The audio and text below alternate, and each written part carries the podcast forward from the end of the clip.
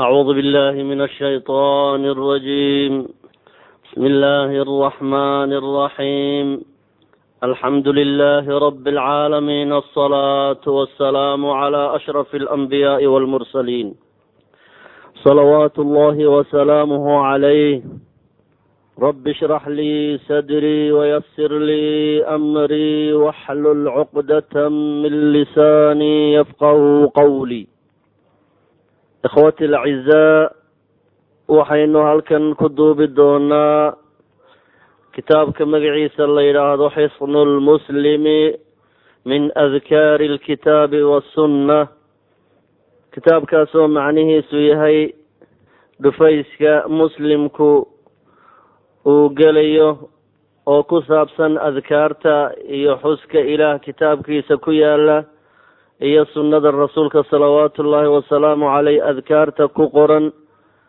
ee dhufayska iyo gaashaanka u ah qofka muslimka ah ee uu ku gabanayo ee gaboodka u ah qofka muslimka ahu wuxuu gooriya ayaan ku xidhan yahay waa ilaahay jala jalaaluh ilaahayna siyaabo loola xidhiidho ayaa jira oo laynoo sharciyeeyey oo rasuulkeenu mara ina yidhi salawaatu ullaahi wasalaamu caleyh kitaabku guud ahaan wuxuu ka hadlayaa ducooyinka qofka muslimkiihi uu isticmaalayo aqrisanayo xaalaadka noloshiisa oo dhan hadduu seexanayo hadduu soo toosayo hadduu musqul gelayo haddii uu ka soo baxayo hadduu masaajid gelayo haddii uu ka soo baxayo haddii uu alaab iibsanayo haddii uu dhar xidhanayo haddii uu feedhanayo haddii uu maydhanayo haddii uu wax cunayo xaalaadka noloshiisa ee takhayuraadka ah ee hadba xaalad qofku uu ku sugan yahay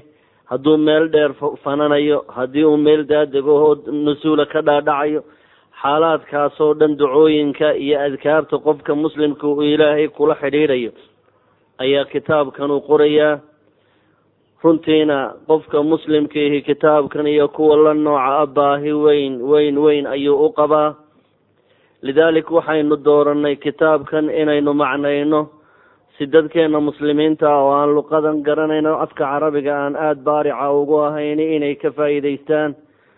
Qofka muslimkiina hadba intuu ilaahay ku xidhan yahay hadba intuu ilaahay barya baryayo ayuu ilaahay u jiraa jala jalaaluhu ilaahayna jala jalaaluhu qofka mu'minka ah wuxuu ku ku soo dhoweeyaa oo ku xurmeeyaa hadba intuu ilaahay xidhiidh la leeyahay oo ilaahay baryayo ilaahayna jala jalaaluhu wuu ku soo uu ku jecel yahay baryada addoonkiisa wuu ku sii jeclaadaa halka bini aadmigu baryada ay khalqiga ku nacaan oo aanay jeclayn qofka baryada badan leh allah jala jalaaluhu ruuxa aada u barya isaga ilaahay waa soo dhoweeyaa ilaahay kama khatoobo ilaahay ma naco addoonku inuu baryo gooriyo ayaan waa kitaab aada iyo aada u qiimo badan waa cashar aada iyo aada u wanaagsan oo qofka bini aadmiga anfac iyo faa'iido badani ugu jirto. Waa kitaab qofka bini aadmiga ah quluubta iyo qalbiga u xalaya oo qofka muslimkii hadba intuu adkaartaa laasimo ayaa taqarubka iyo dhowaanshaha ilaahay uu la leeyahay ay gaadhaysaa.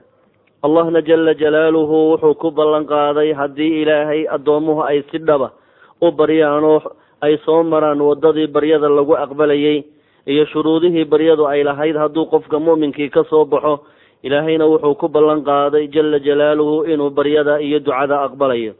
Waman awfaa bicahdihi min allah ilaah jala jalaaluhu wax ka oofin badan ballantiisu ma jirto. Ilaahayna su'aal buu ina weydiiyo yaa yaa u filaysaan oo u malaynaysaan inuu ilaahay ka ballan oofin badan yahay. Cid ilaahay ka ballan oofin badani ma jirto waxaa ilaahay markaa ballanqaadu ku bixiyey isagoo ducada iyo arrimaheeda ka hadlaya aayado qur'aana oo badan baa ilaahay ducada kaga waramay waxaynu se ku soo koobsanaynaa aayadda kariimka oo rabbi odhanayo wa qaala rabbukum adcuunii astajib lakum. Ina aladiina yastakbiruuna can cibaadatii sayadkhuluuna jahannama daakhiriin. Rabbi jala jalaaluhu makhluuqaadka isagoo la hadlaya wuxuu ku yidhi udcuunii astajib lakum. Ibarya waan idin ajiibayaaya baa ilaha yidhi jala jalaaluh marka baryaduna waxay leedahay adaab ayay leedahay iyo asluub loo maro. Markaasaa istijaabada iyo aqbalkuna uu soo degdegaya. Wuxuu ilaah jala jalaaluhu aayad aayadda kale ku yidhi nin kasta oo ka anafoodo oo ka santaaga inuu ilaahay baryo rabbi wuxuu kaga aarsan doonaa naarta jahanamo ah. Waxaa naarta jahanama lagaga badbaadaya waa inuu qofka bini aadmigii intuu nool yahay baryada badiyo marka insha allahu tacaala kitaabka muhiimadaa leh ee faa'iidadaa u leh nin caama iyo nin caalimaba faa'iidadaa ule oo aan laga maarmaynin qof kasta oo muslimihi kama maarmi karo kitaabkan iyo kuwa lamidka ah inuu kaydsado oo ku dhaqmo oo ka barto waxyaalaha yacni uu qorayo aada iyo aad baa loogu baahi badan yahay. Baahidaa loo qabo darteed waxaan go'aansanay inaan kitaabkan duubno oo walaalaha muslimiinta aan ku faafino si ay ilaahay ula xidhiidhaan jala jalaaluhu oo rabbi jala jalaaluhu khasaa-intiisa iyo mulkigiisa badan si ay uga faa'iidaystaan. Ilaahay naxariistiisa iyo deeqdiisa iyo caafimaadkiisa iyo arsaaqdiisa iyo arrimaha badan oo ilaahay ku deeqo mafaatiixdii lagu furan lahaa weeyaan kitaabkan iyo kuwa lamidka ahi sidaa darteed ayaa dadyowga muslimiinta ah.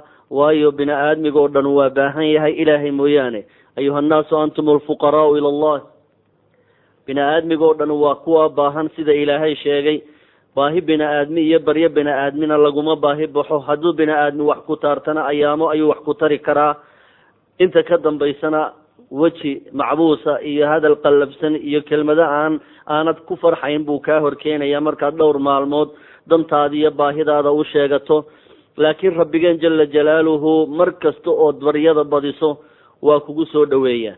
Marka kitaabka faa'iidadaa leh ee qofka muuminkihi baryada aadamaha iyo baryada khalaa'iqda oo dhan uu kaga maarmayo hadduu ku dhaqmo oo wax allaaliyo wuxuu muraad leeyahay hadduu cadow soo weeraro hadday kurba hayso hadday abaari hayso haddii faqri ku yimaado haddii xanuun ku yimaado wax allaaliya wixii dhibaatooyin noloshan kula soo darso oo dhan wixii ilaahay uu kaga baryootami lahaa oo ilaahay kaga maganaageli lahaa ayaa kitaabkan gudihiisa ku sheegan oo dhammaantood ama aayad qur'aanah daliishanaya ama xadiid rasuulkeenna laga wariyey ee daliishanaya ayuu ku qorayaa kitaabkan gudihiisa.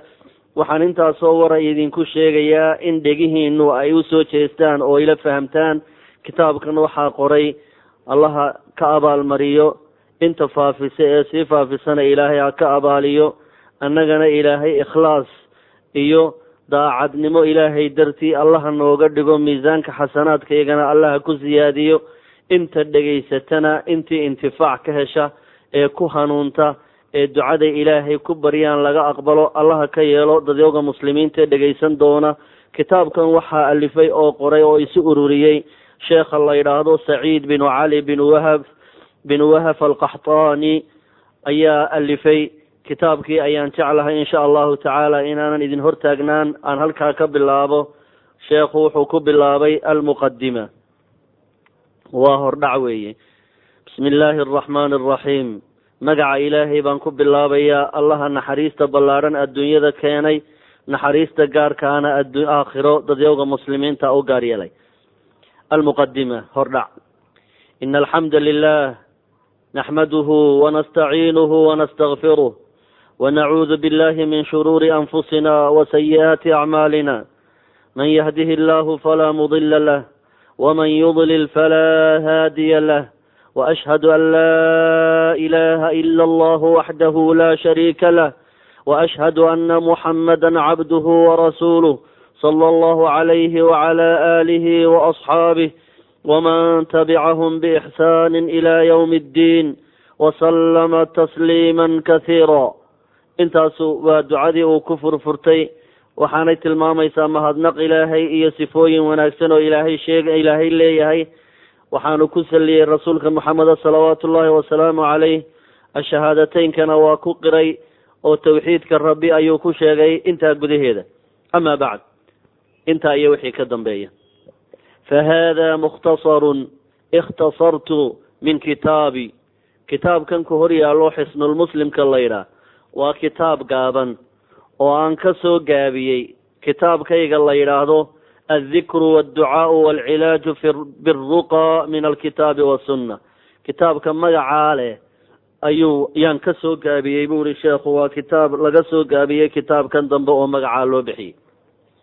Ikhtasartu fiihi qisma aladkaari kitaabkan waxaan ku gaar yeelay. Oon si gaara ugu soo qoray adkaarta iyo ducooyinka liyakuuna khafiifa alxamli si uu kitaabku u fududaado qaadashadiisu fi lasfaari safarada qofka muslimkii gelayo inaanu ka hadhin ou qaadan karo ayaan u nidaamiyey waqad iqtasartu calaa matni dikri sida uu u soo qoraya xadiidka ayuu halkana wax ka tilmaamayaa wuxuu yidhi waxaan ku gaabsaday iqtasartu waxaan ku gaabsaday calaa matni dikri inaan dikriga iyo ducada keliya matnigeeda oo kooban aan qoro. Waktafaytu waxaan ku kaaftoomay fii takhriijihi. Takhriijka waxa weeyaan sanadka iyo culimadii kala warisay. Inaan sheego waxaan kaga kaabsaday bidikri masdarin aw masdarayni. Laba meelood oo kutubta waaweyn uu kaga qoran yahay ama hal meel oo kutubta waaweyn uu kaga qoran yahay ayaan sheegi doonaa mima wujida fi lasli oo halka asalkiisa laga helaya ah waman araada macrifata saxaabiyi ninka doonaya inuu fahmo ama ogaado xadiidka ducadan masalan soo socota ama ducooyinkan saxaabiga nebiga ka soo wariyey ninkii doona aw ziyaadatan fi takhriiji ama takhriijka iyo shaandhaynta sanadka ziyaado ninkii ka doonaa fa calayhi birujuuci ila alasli. Waxa uu u baahan yahay inuu ku noqdo halkii aan aniguba ka soo qaatay. Hadday bukhaari aan kuu tilmaamo halkaasa sannadkii iyo takhriijkii ku yaalla ama haddaan muslim ka soo qaatay ama tirmidi ka soo qaatay ama nasaa-i ka soo qaatay culimada waaweyn kitaabkii aan ka soo qorayna waan kuu sheegayaa. Kaasaad markaa wixii baahi ahee sanadka ku saabsan ee abtirsiinta xadiidka ku saabsan ee ragga wariyey ku saabsan halkaasaad ka heli doontaa si kitaabku u fududaada baan saa u yeelay. Wa as'alu allaha caza wajalla biasmaa'ihi alxusna waxaan rabbi ku weydiisanayaa magacyada suuban ee uu leeyahay baan ku baryayaa. Wa sifaatihi alculaa sifooyinkiisa sare ayaan ilaahay ku baryayaa. Waxaan ilaahay magiciisa u irkaday oo aan sifadiisa u cuskaday an yajcalahu khaalisan liwajhihi alkariim kitaabkan inuu ilaahay khaalis saafi ah oo weji ilaahay dartii inuu ii noqdo oo aanay wax istusiyaha lagaa sheego aanay iga soo dhex gelin ayaan ilaahayga weyn magaciisa u cuskanaya oon ka u baryaya.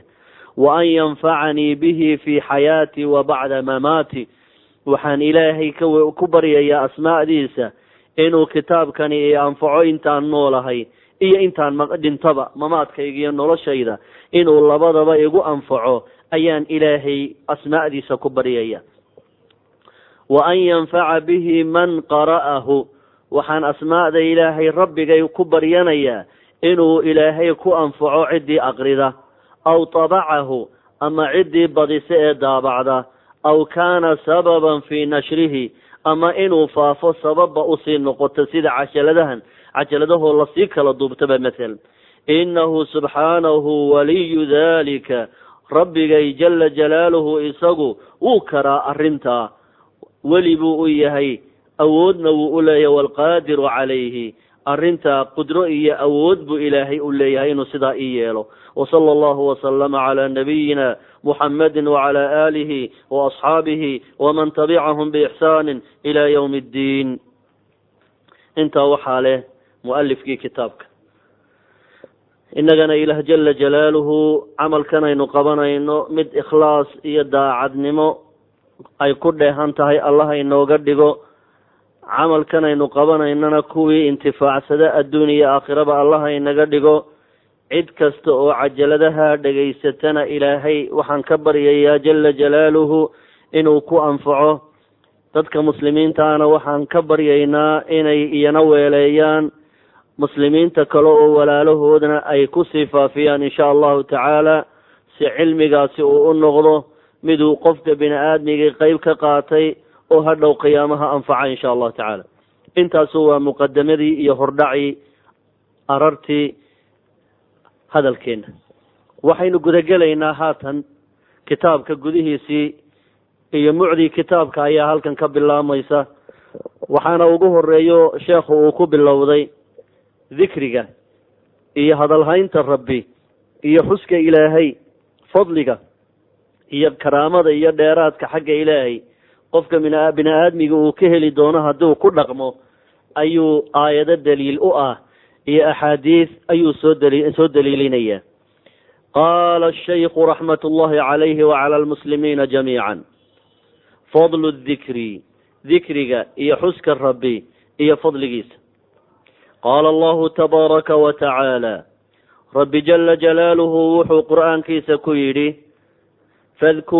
fadkuruunii adkurkum washkuruu lii walaa takfuruun fadkuruunii ixusa ixasuusta oo imagac dhaba haddii aa ixasuusataan xasuustiina mid ka qiimo badan baa heli doontaan oo ka fadli badan haddii adiga oo bini aadmi oo bashar ahoo daciifa aada i xasuusato oo aada i magac dhowdo oo aada i sheegto oo samahayga soo qaado adkurkum anna waan idin xusi baa ilaahay yidhi. Oo haddaad kelidaa i xusto keliday baan ku xusi. Haddaad jamaaco iyo ummad igu dhex xustana anna jamaaco taada ka fadli badan ayaan kugu dhex sheegi wanaaggaaga ku sheegi. Washkuruu lii ii mahadnaqa ilaahay yidhi fadli badan iyo abaal badan iyo gallad badan baan idinku leeyahay alxamdu lilaahi idhahaya walaa takfuruunii ha iga kufriina oo abaallaawayaal nicmada ilaahay ka abaal daraa oo aan abaal lahayn ha noqonina ayuu ilaahay qur'aankiisa ku yidhi waxaa kaloo ilaahay sheegay jala jalaaluhu yaa ayuha aladiina aamanuu dkuruu allaha dikran kasiira suurat alaxzaab weeye aayaddaasi taa horena waa suurat lbaqara weeye boqol laba iyo konton suurat lbaqara iyo koob iyo afartan suurat laxzaab yaa ayuha aladiina aamanuu qowmka ilaah iyo rasuulkiisa rumeeyayow udkuru llaha ilaahay xusa dikran xus la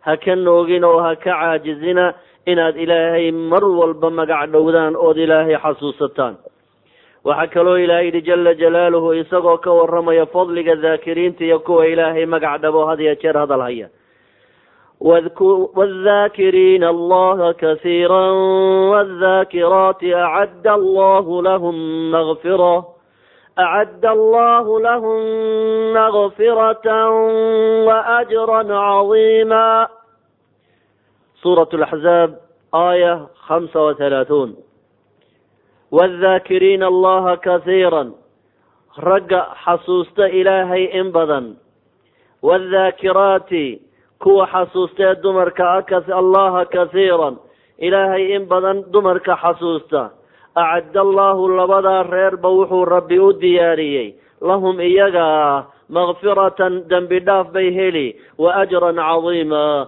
abaal weyn weyn weyn oo hadhow ay aada iyo aada uga mabsuudaanna waan siin doonaa baa ilaah yidhi ilaahuw kuwaa naga yeel waxaa kaloo ilaahay qur'aankiisa ku yidhi wadkur rabbaka fii nafsika tadarucan وخيفة ودون الجهر من القول ودون الجهر من القول بالقدو والآصال ولا تكن من الغافلين في سورة الأعراف آية مئتين وخمسة واذكر ربك allihii ku abuurtay xasuuso oo magac dhow oo soo qaad wanaaggiisa fii nafsika daatadaada markaad kelidaa tahay ilaahay magac dhow tadarucan adigoo isdhuldhigaya wakhiifatan adigoo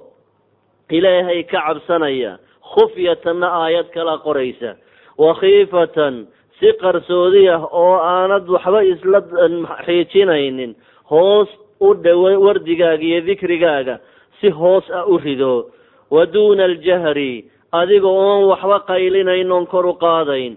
Waa xilligee ilaahay u badan oo in la xuso ugu fadli badan. Wa duuna aljahri min alqawli. Qowlkaagana adigoon waxba kor u qaadaynin. Waxaad ilaahay xasuusataa ood ilaahay dikrigiisa soo qaadaa. Bilguduwi gelinka hore. Wal aasaali iyo gelinka dambaba.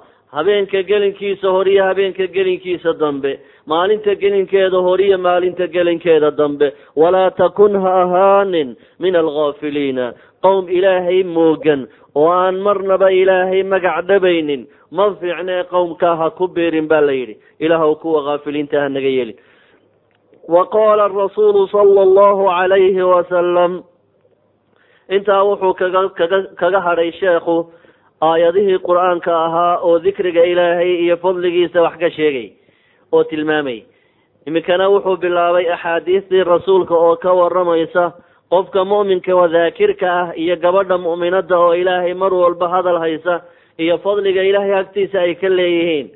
Wuxuu nebigu yihi calayhi salaatu wasalaam mathalu aladii yadkuru rabbah waaladii laa yadkuru rabbahu mathalu lxayi waalmayit bukhaari baa warinaya muslim baa warinaya mathalu aladii yadkuru rabbah haddaan idiin tusaaleeyo ninka ilaahay goorya ayaan hadal qaada ee wanaag ilaahay ku sheega ee ilaahay xasuusnaada ee xusa.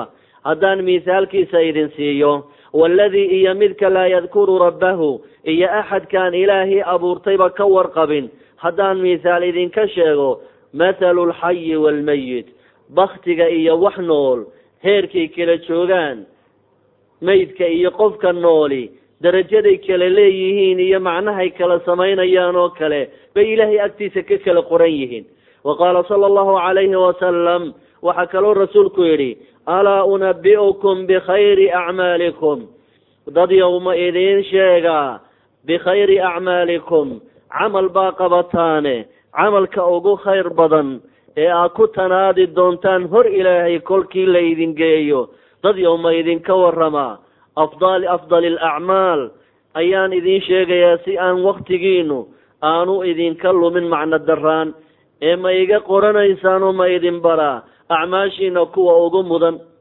Wa askaaha cinda malikikum kuwa ugu tahirnaan badan ilaahay agtiisa ee ugu mudan. Cinda malikikum allaha idin mulkiya agtiisa adkaarta ugu iyo acmaasha ugu qiimaha leh wa arfacihaa fi fii darajaatikum darajooyin baa hadhow lagu kala sarreeyaa oo ilaahay agtiisa waa la kala horeyn marka qiyaamaha la yimaado oo dadku isku martabo ahaan maayo e martabooyinka sare waxaa ku haybsataan ma idiin sheegaa wa khayrin lakum min infaaqi aldahabi waalfida wax idinka khayr badan inaad sadaqadaysataan dahab iyo lacagba ma idin baraa wa khayrin lakum min an talqaw caduwakum. Wax idinka khayr badan inaa cadow iska hor timaadaan.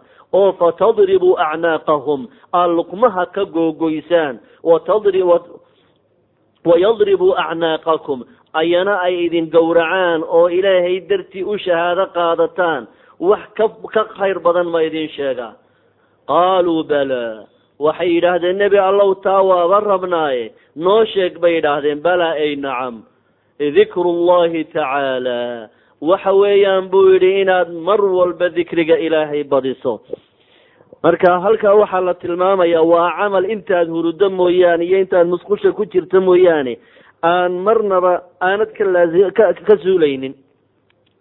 Oo salaadii maalintii shan jeer baad tukanaysaa soomkiina sannadkii baa marku soo maraya xajkiina cimrigaagoo dhan buu markuu soo maraya. Sekaduna weligaaba inaanay kugu waajibin oo xoolo seke gooyaba inaanad yeelan baa laga yaabaa. Sadaqadiina nin iskaba jeeb maran inaad noqoto baaba laga yaabaa. Jihaadkiina marar buu ku soo marayaa goor ayaan inaad gabaadkii ku jirto lama arko. Marka dikriganu haddii aad soo jeedo iyo haddii aada lugaynayso iyo haddii aad fadhido iyo haddii aad shaqaynaysaba waa shay ku laazimi karaya. Marka waa cibaado joogto ah. Wa axabu alacmaali ila allahi adwamuhu wain qalla acmaashana wixii la daa'imo ayaa ugu khayr badan. Dikrigii ilaahayna goor iyo ayaan salaadii baa dikriya oo cibaadooyinkii kaleo dhan baa dikriga ku hoos jira marka aanad cibaadooyinkaa ku jirina wardigii waad wadi karaysaa isagii markaa noloshaadii oo dhan buu kula qaybsanaya wey.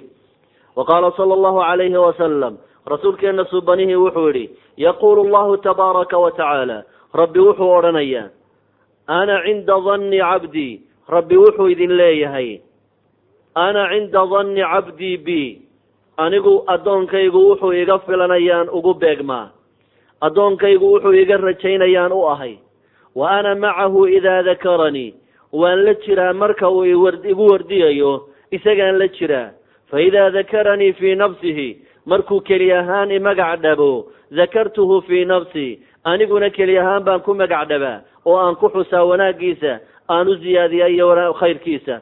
Wain dakaranii fii mala-in. Hadduu jamaaco iyo wadar iyo ummad meel fadhida igu soo qaado khayrkaygana. Dakartuhu fii mala-in khayrin minhu. Aniguna inka in ka mudan oo ka khayr badan qoladaa uu igu soo magac dhabay dhexdooda. In ka fiican baan agtooda ku soo qaadaa wain taqaraba ilaya shibran hadduu addoonkaygu dadaalo oo taa ka soo durko intaa ka la-eg hadduu ku soo dhowaado camalka taqarabtu ilayhi diraacan anna waa uga sadburiyaayo dhudhun baan uga soo durkaa wain taqaraba ilaya diraacan hadduu diraac iyo dhudhun iisoo dhowaado taqarabtu ilayhi baacan aniguna nin joogii ayaan u soo dhowaadaayo hadba intuu khayr sameeyo in kaloo ka badan unbuu iga helaa wain ataanii yamshi haddii uu guclo iyo orad haddii iigu yimaado isagoo tallaabaynaya oo xuguflaynaya ataytuhu harwalatan? Aniguna guclaan ku dayaabaa ilahay yidhi jala jalaalu macnuhu waxa weeyaanun hadba dadaalkuu sameeyo ajri kaleoo ka badan ayuunbuu addoonkaygu iga helaya wa can cabdillaahi ibni busrin radia allahu tacaala canhu saxaabiga cabdillahi ibnu busrin la yidhaha wuxuu ka waramayaa nebiga wuxuu leeyahay ana rajulan axad iyo ninba qaala yidhi yaa rasuula allahi rasuulkii allow ina sharaa'ica alislaami qad kahurat waajibaadkii islaamku aad iyo aad bay ii hafiyeen oo iga bate calaya korkaygii waajibkii diineed aad buu iigu batay fa akhbirnii rasuulkii allow haddaba ii sheeg bishayin shay ii sheeg atashabasu bihi in aan ku mitido oo ilaa sakaraadka aan ku fara adaygo iiga waran buu yidhi ilen kuma wada mitidi karo cibaad maxaan ku dhaha waajibaadkii diinte arrimaha mudanka ah oo aada igula talinayso inaan ku dadaalo on ku mitido wax iiga sheeg rasuulkii allow qaala rasuulu sala allahu calayhi wasalam rasuulku wuxuu kula dardaarmoo yidhi laa yazaalu lisaanuka ratban min dikri illah aan kuwaansha maandhahayowe laa yazaalu yuu zuulin oo yuu ka ka noogin oo ka hadhin. Lisaanuka carabkaagu yuu ka madhnaanin. Ratban xaalu yahay kii ku qoyan min dikri illah inaad ilaahay gooriya ayaan hadal hayso intaa ha keri waayin. Waqaala sala allahu calayhi wasalam rasuulkeeni wuxuu yihi marka man qara'a wa xadiid kale weeye man qara'a xarfan min kitaab illah axadka aqriya hal xaraf oo kitaabka rabbi ku qoran falahu bihi xasanatun wuxuu qofkaasi helayaa ajri iyo xasano ayuu xarafka ka helaya.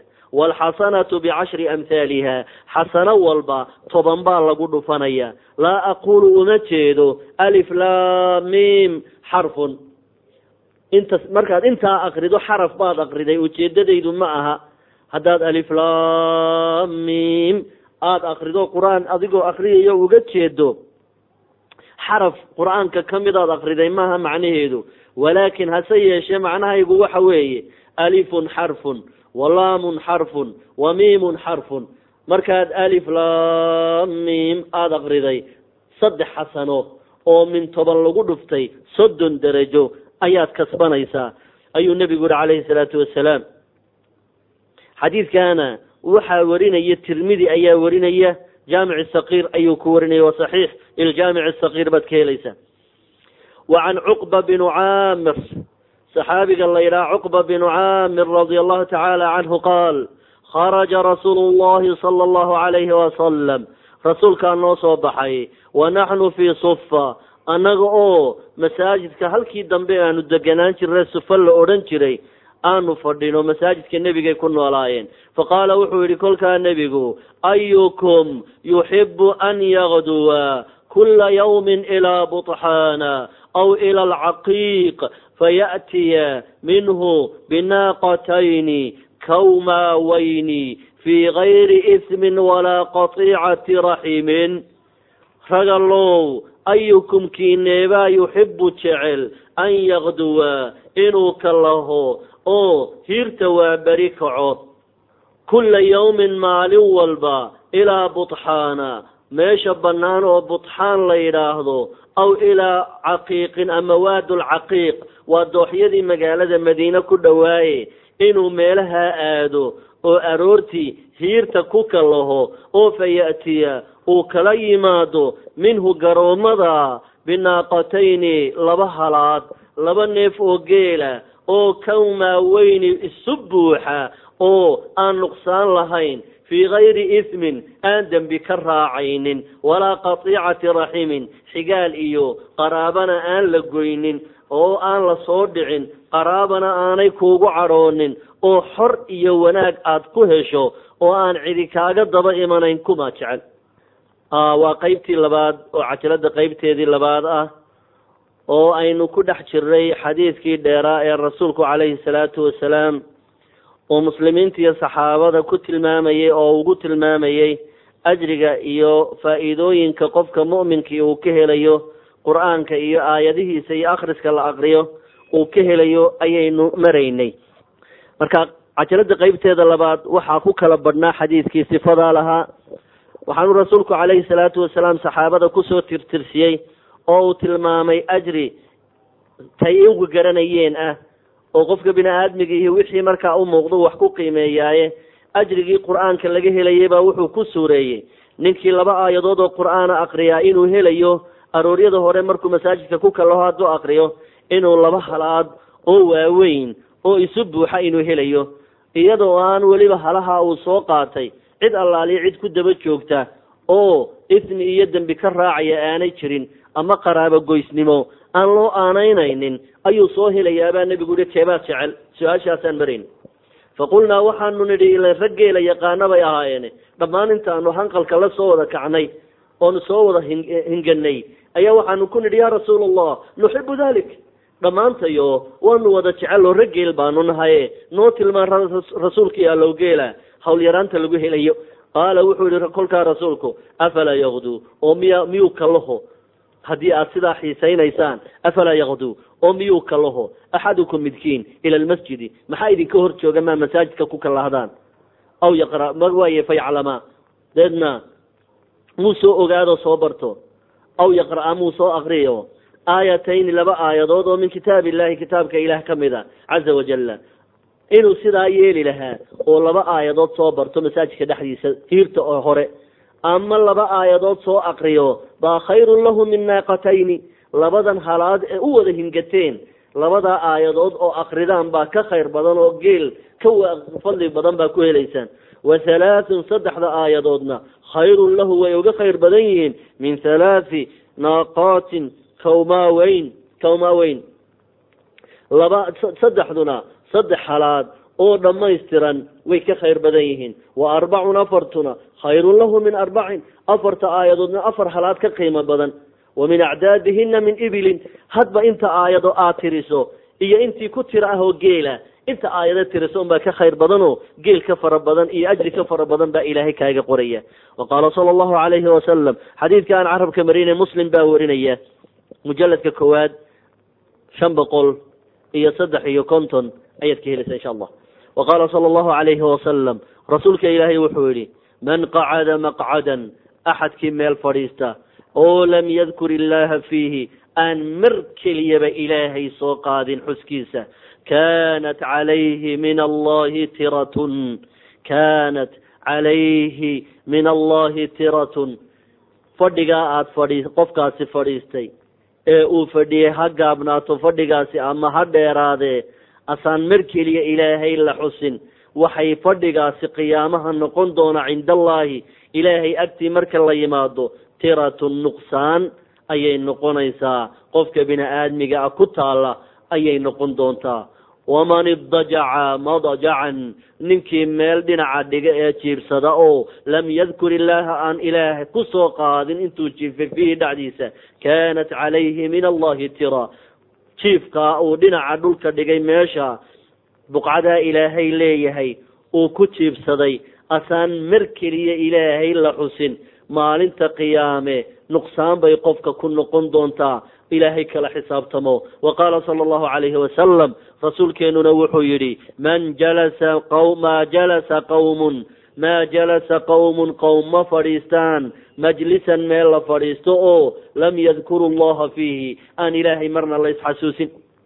Walam walam yusalluu aanay ku salliyin calaa nebiyihim nebigoodana aanay ku salliyin dad muslimiini hadday meel fadhiistaan oy cabbaar fadhiyaan asaan ilaahay mar keliya la soo xusin oo aan rasuulka ilaahay mar keliya lagu lagu lagu xusin oo lagu lagu salliyin ummadda halkaa fadhiisatay ma jirto ummad sidaa yeesha ilaa hadday jirtase kaana calayhim tira waxay ku noqotaa maalinta qiyaame qoomamo iyo ciil iyo nuqsaan bay ku noqon fa in shaaa cadabahum fadhigaasi waxaa suurtagala inuu ilaahay kuba cadaabo dartii fadhigaa aanay ilaahay ku soo qaadin inuu cadaab jahanamo lagu galo uu sababba u noqdaa suurtagala. Wa in shaaa gafara lahum haddii uu doonana waabuu iska saamixiye laakiin waxay halisba u tahay fadhigaa aan mar keliya ilaahayna lagu xasuusan rasuulkana lagu saliin in fadhigaas fadhi la qoomameeyo uu ku noqdo oo cadaabba sabab u noqda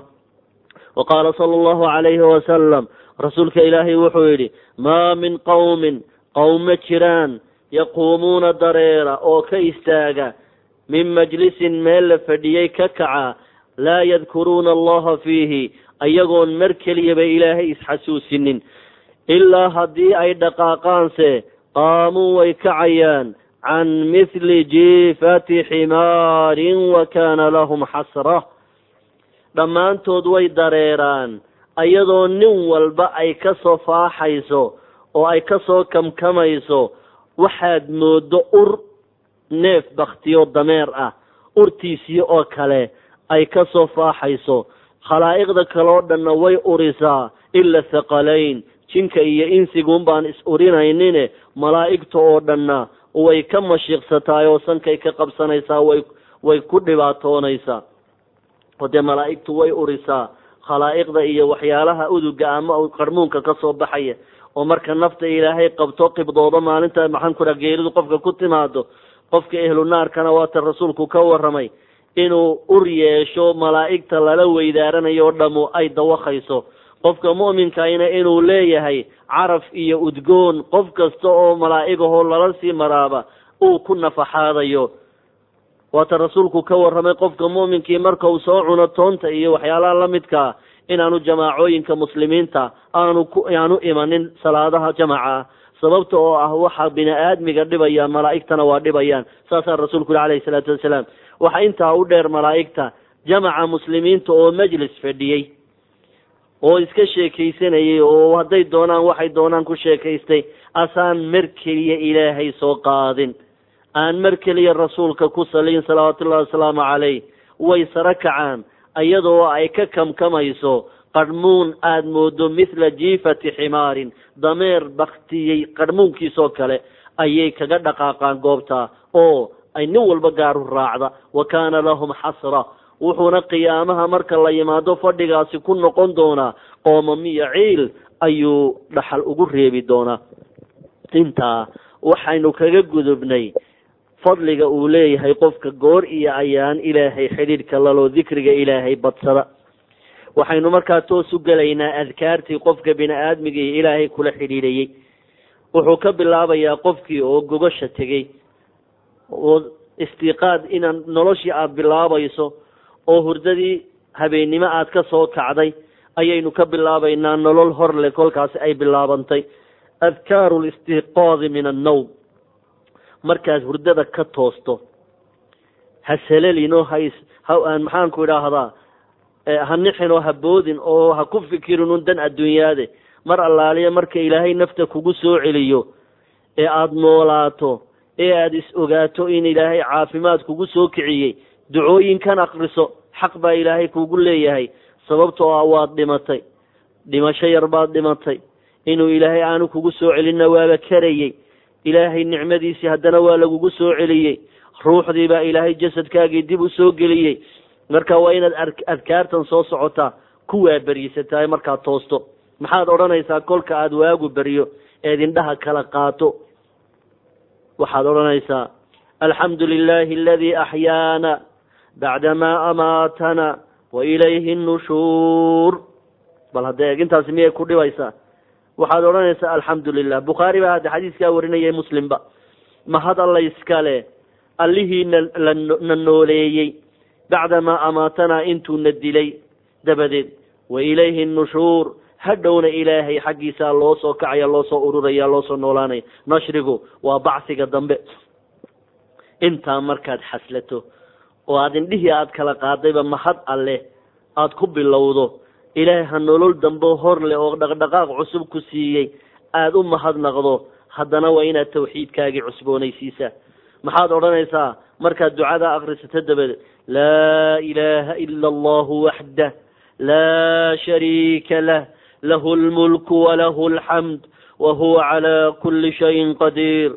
Subxaana allah walxamdu lilah wlaa ilaha ila allah wallahu akbar wlaa xawla walaa quwata ila billahi alcaliy alcaظiim rabbi ikfir lii intaasaad aqriyaysaa maxay tahay macnaheedu xadiidkaa laftiisana bukhaari baa isna warinaya waa tawxiidkii laa ilaha ila allahu waxdah ilaah xaq lagu caabuda isaga mooye ma jiro. Laa shariika lahu. Ilaahnimo cid la wadaagtaa ma jirto. Lahu lmulku walahu alxamdu mulki iyo mahad ba alla iskale wahuwa calaa kuli shayin qadiir. Wax kasta ilaahay kii awoodo weeye. Subxaana allah ilaahay baa ceebka nasahan oo ka hufan. Walxamdu lilah mahadna alla iskale walaa ilaha ila allah ilaah mooye ilaah kale ma jiro. Wallahu akbar. Ilaahay baa weyn ilaahay baa weyn. Walaa xawla walaa quwata awood iyo xeelad maba lihin ila billahi alcaliy alcaظiim alla weyn baanu leenahay ilaah weyn oo cadiim oo sarreeya baanu leenahay oo wax walba aanu kaga maaranay rabbi ikfir lii.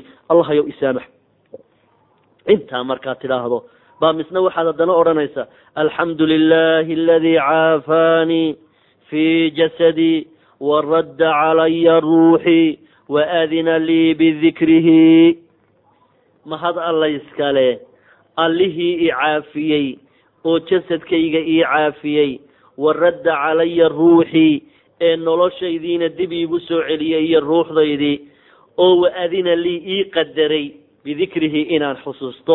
Ilan qowm badan oo ila iga waaweyn oo iga yaryar oo ila fac ah oo markay soo tooseen aan ilaahay xasuusan baa badane ilaahay ihaleeshiiyey inaan dikrigiisa iyo xuskiisa ku waaberiisto allahaasaa mahad leh inaad tidhaahdo baa lagugu leeyahay intaa kolkaad ka bogato ayaad aayadahan qur'aanka ee suuratu aala cimraan ugu dambeeya ayaad carab ka saari.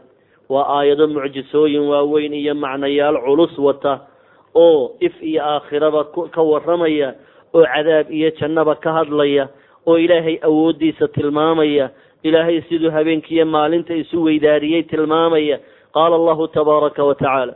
Ilaahay wuxuu yidhi waa aayadaha markaad toosta salaatuleilka u kacdo eed indhaha marmarato aayadahaad aqriyaysa rasuulkeenu aqriyi jiray isagoon gogasha ka kacin weeyaan.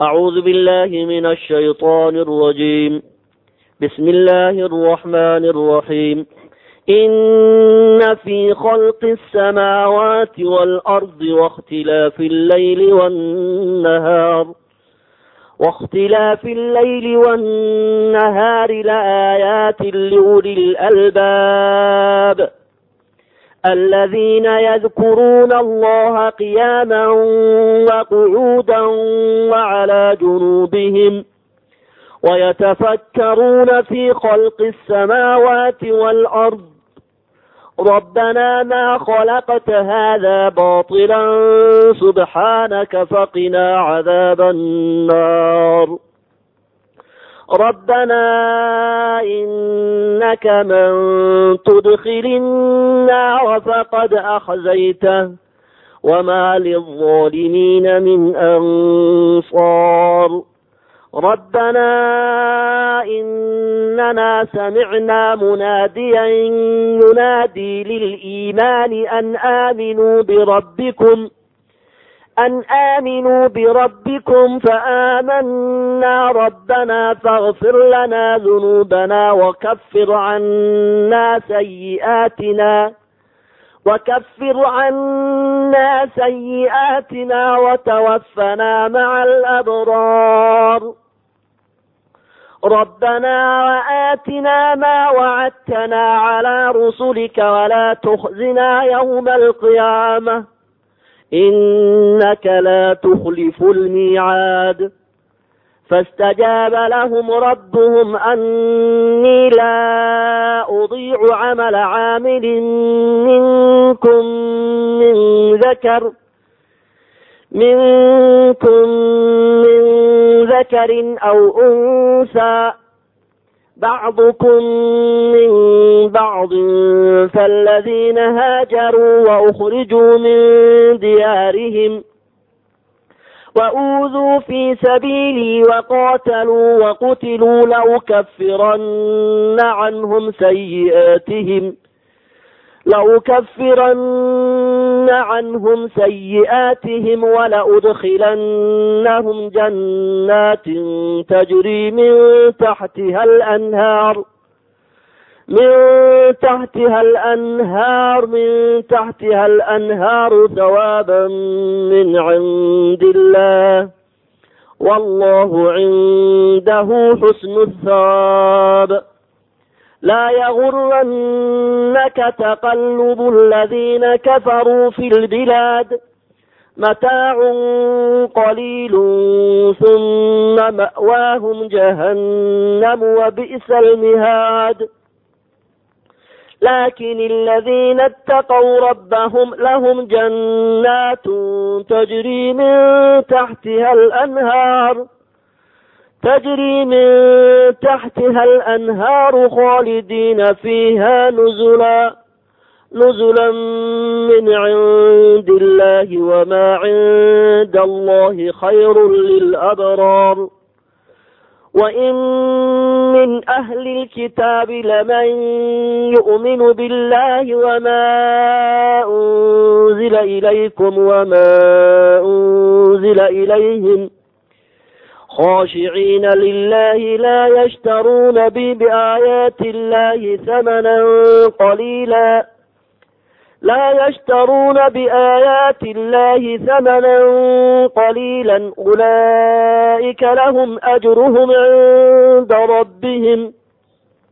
إن الله سريع الحساب يا أيها الذين آمنوا اصبروا وصابروا ورابطوا واتقوا الله لعلكم تفلحون fii awaakhiri suurati aali cimraan suuradda aala cimraan la yidhaah aakhirkeeda weeyaan aayadahaasina inkastay dadka bilowga ah ku dheer yihiin haddana hadday u sabraan waa wax la qaybi karayo ajri badan baa ku jira istikfaar baa ku jirta isticaado ilaahay cadhadiisa iyo cadaabkiisa laga magan gelaya baa ku jirta allah jala jalaaluhu naciimka qofka mu'minka ah aakhira uu siinayo iyo sida uu uga aarsanayo dadka ehlul cisyaanka ah ayaa ku sugan. Way badan yihiin arrimaha aayadahaasi ka hadlayaan kutubaha tafsiirka ayaynu ugu noqon doonaa iyo culimada tafsiirka aqrida insha allah. Ducaau lubsu thawb. Waxaa kaloo halkan uu ku xigsiiyey qofkii markuu baraarugay isagoo qaawan kolley kici maayo waa inuu maro xidhaa ama tii uu xidhnaa waa inuu geejistaa marka uu maryo maryihii hore uu xidhnaa geejisanayo ama uu qaar hor laba xidhanayo maxaa maryo marada markaad xidhanayso ma iska gashanayo? Iska dhaqaaqaysaa laa ilaahay baa ku asturay. Ilaahay baa maradan ku siiyey. Ilaahay baa jala jalaaluhu ku soo geliyey. Maradan aada isticmaalayso. Caafimaadka aada ku xiisaynayso ilaahay baa ku siiyey. Asturka aada qaadanayso ilaahay baa ku siiyey. Si ilaahay kuugu badiyo oo ilaahay kuugu soo bedelo markay kaa dhammaato oo ilaahay cibaadadiisa ku karsiiyo waa inaad ilaahay ku mahadnaqdaa markaad marada xidhanayso. Markaad dharka xidhanayso maxaad odhanaysaa ha iska gashan hadday nigis tahay hadday garan tahay hadday kayshadi tahay haddii ay maxaan ku dhahdaa cimaamo tahay hadday koofiya tahay. Wixii mara ahaad xidhanayso magacaan ilahay baa lagu xidhaa. Maxaad odhanaysaa alxamdu lilahi aladii kasaanii haada mahad alla iskale allaha ihuwiyey haada sawb. Marada sidan ah allaha igu asture ihuwiyey ayaa mahad leh warasaqaniihi ilaaha igu arsaaqay ee marada isiiye min gayri xawlin mini xeeladna xaggayga kagama helin oo aan jirin xeelad la'aan aniga xaggayga igu siiyey walaa quwatin awood la'aan aniga oo og inaanan awoodi kareen inaan anigu maro sameeyo oo aan geedkii ka baxaysay samayn karin oo neefkii laga soo dhegay samayn karin oo siday ku timid anigu aan abaabuli karin ilaaha isiiyey ee geedka iiga beeray ee xoolaha iga siiyey ee awooddiisa igu siiya anigoon awood iyo xeeltoona lahayn ilaahayga ilaahaygaasaa mahadle ducaau lubsu thawbi ljadiid maradaa hore la xidhanaya waa maradii hore aada u xidhan jirtay. Haddii maro cusub ilaahay ku soo siiyo ama hadiyad ha lagugu keeno ama iibsaba iib iyo caaqibo midaad ku heshaba maro cusub oon aanad hore ulahaan jirin.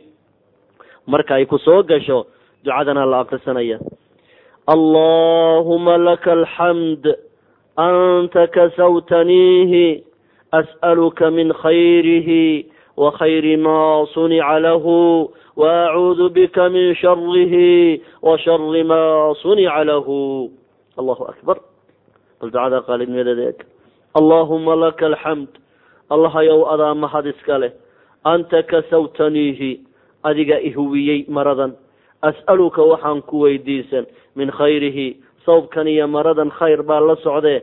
Shay aan khayr lahayni ma jiro shaydaan mooyaane. Ilaahow khayrkiisa isii maradan. Wa khayri maa sunica lahu. Wixii loo samaystay. Shar iyo khayrba waa lagu fali kari lahay. Sancadiisa khayrkeeda allahu isii wa acuudu bika. Allahayow waxaan kaa magan gelayaa min sharihi sawbkan iyo maradan sharkeeda ayaan ilaahu kaa magan gelayaa wa shari maa sunica lahu. Sharkii loo amaamudee loo samaystay in ilaahay lagu caasiyo haddii ninkii uu samaystay u samaystay ilaahayow iga ilaaliyo yaan kugu caasin. Adducaa liman labisa thawban jadiidan. Taasu waa qofkii isagu xidhanayey qof mu'mina baa shaar cusub soo xidhay ama toob cusub bay soo xidhatay ama jilbaab cusub bay soo xidhatay qof kaloo mu'mina oo walaalkiisa baa arkay inuu maro qashtiyahoo cusub oo bacdi ku taallo inuu hebelsito walaalkiisa bacdan ka jarayaabay soomaalidu tiraa way isqanjidhisaa ama way is-aflagaadaysaa laakiin sunnaha nebigu waxa weeye qofka walaalkaa oo muslima ood maro cusub ku aragtay isagoo xidhan inaad u ducayso ducadanna waxaa lagu leeyahay qofka mu'minka ah ee arkay walaalkii oo mu'min ah oo maro cusub helay maxaad ugu ducaynaysaa tubli wa yukhlifu allahu tacaala tubli waad baaliyeyn insha allahu oo inta maradaasu baaliyoobayso ilaahay ku dili maayo insha allahu. Noolow inta maradaasu ay baaliyoobayso. Oo markay weliba baaliyowdana hadda yacnaanin oo arad ilaahay kuma bado e wa yukhlifu allahu tacaala. Ilaahayna bedel kale oo cusub haddana allaha ku siiyo. Tanna baaliyeyoo cimrigaagu ha jiro. Markay kaa dhammaatana ilaahay kuma aradiyo e ilaahay mid cusub ha ku siiyo. Intaasi waa duco waxaa kalood ugu ducaynaysaa walaalkaaga marada cusub xidhan ilbis jadiida wacish xamiida wamut shahiida. Allahu akbar. Ilbis jadiidan. Abidkaaba maro cusub ilaahay ha ku soo geliyo xidhnow wacish xamiida. Mid xamiid ahoo mahadnaq badan. Inaad ahaato ku noolow oo ilaahay ha ku nooleeyo. Adigoona qof karaahiyo iyo dhibaato adduunyada la jooga aan noqonine xamiid adigoo ah oo ilaahay mar walba xasuusto mahadiya noolow. Wamut shahiida dhimashadu magacuunbay ka siman tahay geeri unbaa la isla wada yidhaahdaaye. Kala magacsan laakiine ilaahay geerida ugu san iyo dhimashada ugu fiican allaha ku siiyo ah inaad shahiid noqoto ilaahay diintiisa iyo daraaddii inaad u nafweydo allaha kugu dilo. Intaasaad ugu ducaynaysa. Ducadeena shanaad maa yaquulu idaa wadaca thawbahu marka qofka muslimkii uu mar furanayo martii uu dhiganayo ama ha maydhanayo ama ha seexanayo ama ha bedelanayo e markuu maradii iska rogayo ee uu maradii iska furayo muxuu marada iskaga furayaa bismi illaah buu odhanayaa. Magaca ilaahay ayuu iskaga bixinayaa wixii cawradiisa muuqata isha iyo cawrida iblayska iyo caynta jinka ayuu ilaahay kaga badbaadinayaa ishu kolkaa kari mayso ajrina waa looga qoraya. Ducaau dukuulu lkhalaa'i bal hadda eeg. Waagii markuu baryo ilan kaadi baad la soo toosto kaadi baa ku haysa haddaad doonto e musqushii daf iska odhan mayside ducaa lagu gelayaa musqusha intaanad gelin. Ducadaasna waan kuu sheegi. Maxay odhanaysaa ducadaas? Bismi illaah allahuma inii acuudu bika min alkhubthi waalkhabaa'ithi bal hadda eeg magaca magaca ilaahay baad horta cuskanaysa intaan musqusha gelin adoo albaabkii taagan baa waxaad odhanaysaa bismi illaah allahuma inii acuudu bika allahayow waxaan kaa magan gelayaa min alkhubsi khubsigaan kaa magan gelayaa waalkhabaa'ifi iyo khabaa'ifta waa dhadiga iyo laboodka musqulaha iyo meelaha degan ee meelaha xunxun guryaha ka dhigta. Shaydaanka kiisa dhadigna waxaa la yidhaha khabaa'is kiisa labna khubsi baa la yidhaha khubsi iyo khabaa'is baa la kala yidhaha waa dhadig iyo laboodka shayaadiinta ayaa magacyadaa leh. Markaad intaa samayso waxaa haddana kuu markaad muraadkaagii soo dhammaysato eed musqushii ka soo baxdo ayaad adinka midigta soo horbixinaysaa. Markaad gelaysana adinka bidixda ayaad ku horraysiinaysaa musqusha. Maxaad odhanaysaa gufraanak ilaahayow dembi dhaaf ayaan ku weydiistay. Maxaa markaa loo leeyahay? Ilan intaad musqusha ku jirto inaad wardido maaha. Inaad dikriga ilaahay ku dhawaaqda maaha. Qadarkaa yaree hawada aad ka maqnayd. Ee malaa'igtu aanay kaa rafcinaynin dikrigii ee idaacaddaadu hawada ka baxday adkaarta ilan qofkii muminkaa gooryaayaan inuu ilaahay ku wardiyo baynu isla soo ogeyne qofka muminkii markuu musqusha galo inuu wardiye maaha. Marka qadar yar baa markaa idaacaddiisii hawada ka baxaysa oo aan caalamkii ka qorayey malaa'igtii ka qoraysay iyo caalamkii ku raaxaysanaya dikriga ilaahay ayaa cabaar waayaya. Marka waa idinka arkayba dee idaacadaha bini aadmigu samaysta iska itaalka daran leh. In yar markay hawadu ka xumaato intay markiiba soo galaan bay naga raalli ahaada bay markiiba ku soo horreysiyaan waa cillad xagga farsamada ama xagga hawada ayay inagu qanciyaan. Marka qadarkaa yarood musqusha ku jirtay eed hawada dikriga ka maqnayd ee carabkaagu uu ka qalalay dikriga ilaahay uu ka yaro noogay ee la yidhi jooji ayaad ka cudur daaranaysaa oo waxaad leedahay gufraanak allahayow dembi dhaafkaaga ayaan ku weydiisanaya dikru qabla alwuduu'i waysada intaanad bilaabin. Adkaarta lagu la sii akristo markaad waysadii soo diyaarsateed gacanta ku shubayso waxaad ku bilaabaysaa bismi illaah bisinka ilaahay baad ku bilaabaysaa. Halkaa ayaad insha allahu tacaala ka bilaabaysaa dabadeedna waysadii iyo nidaamkeedii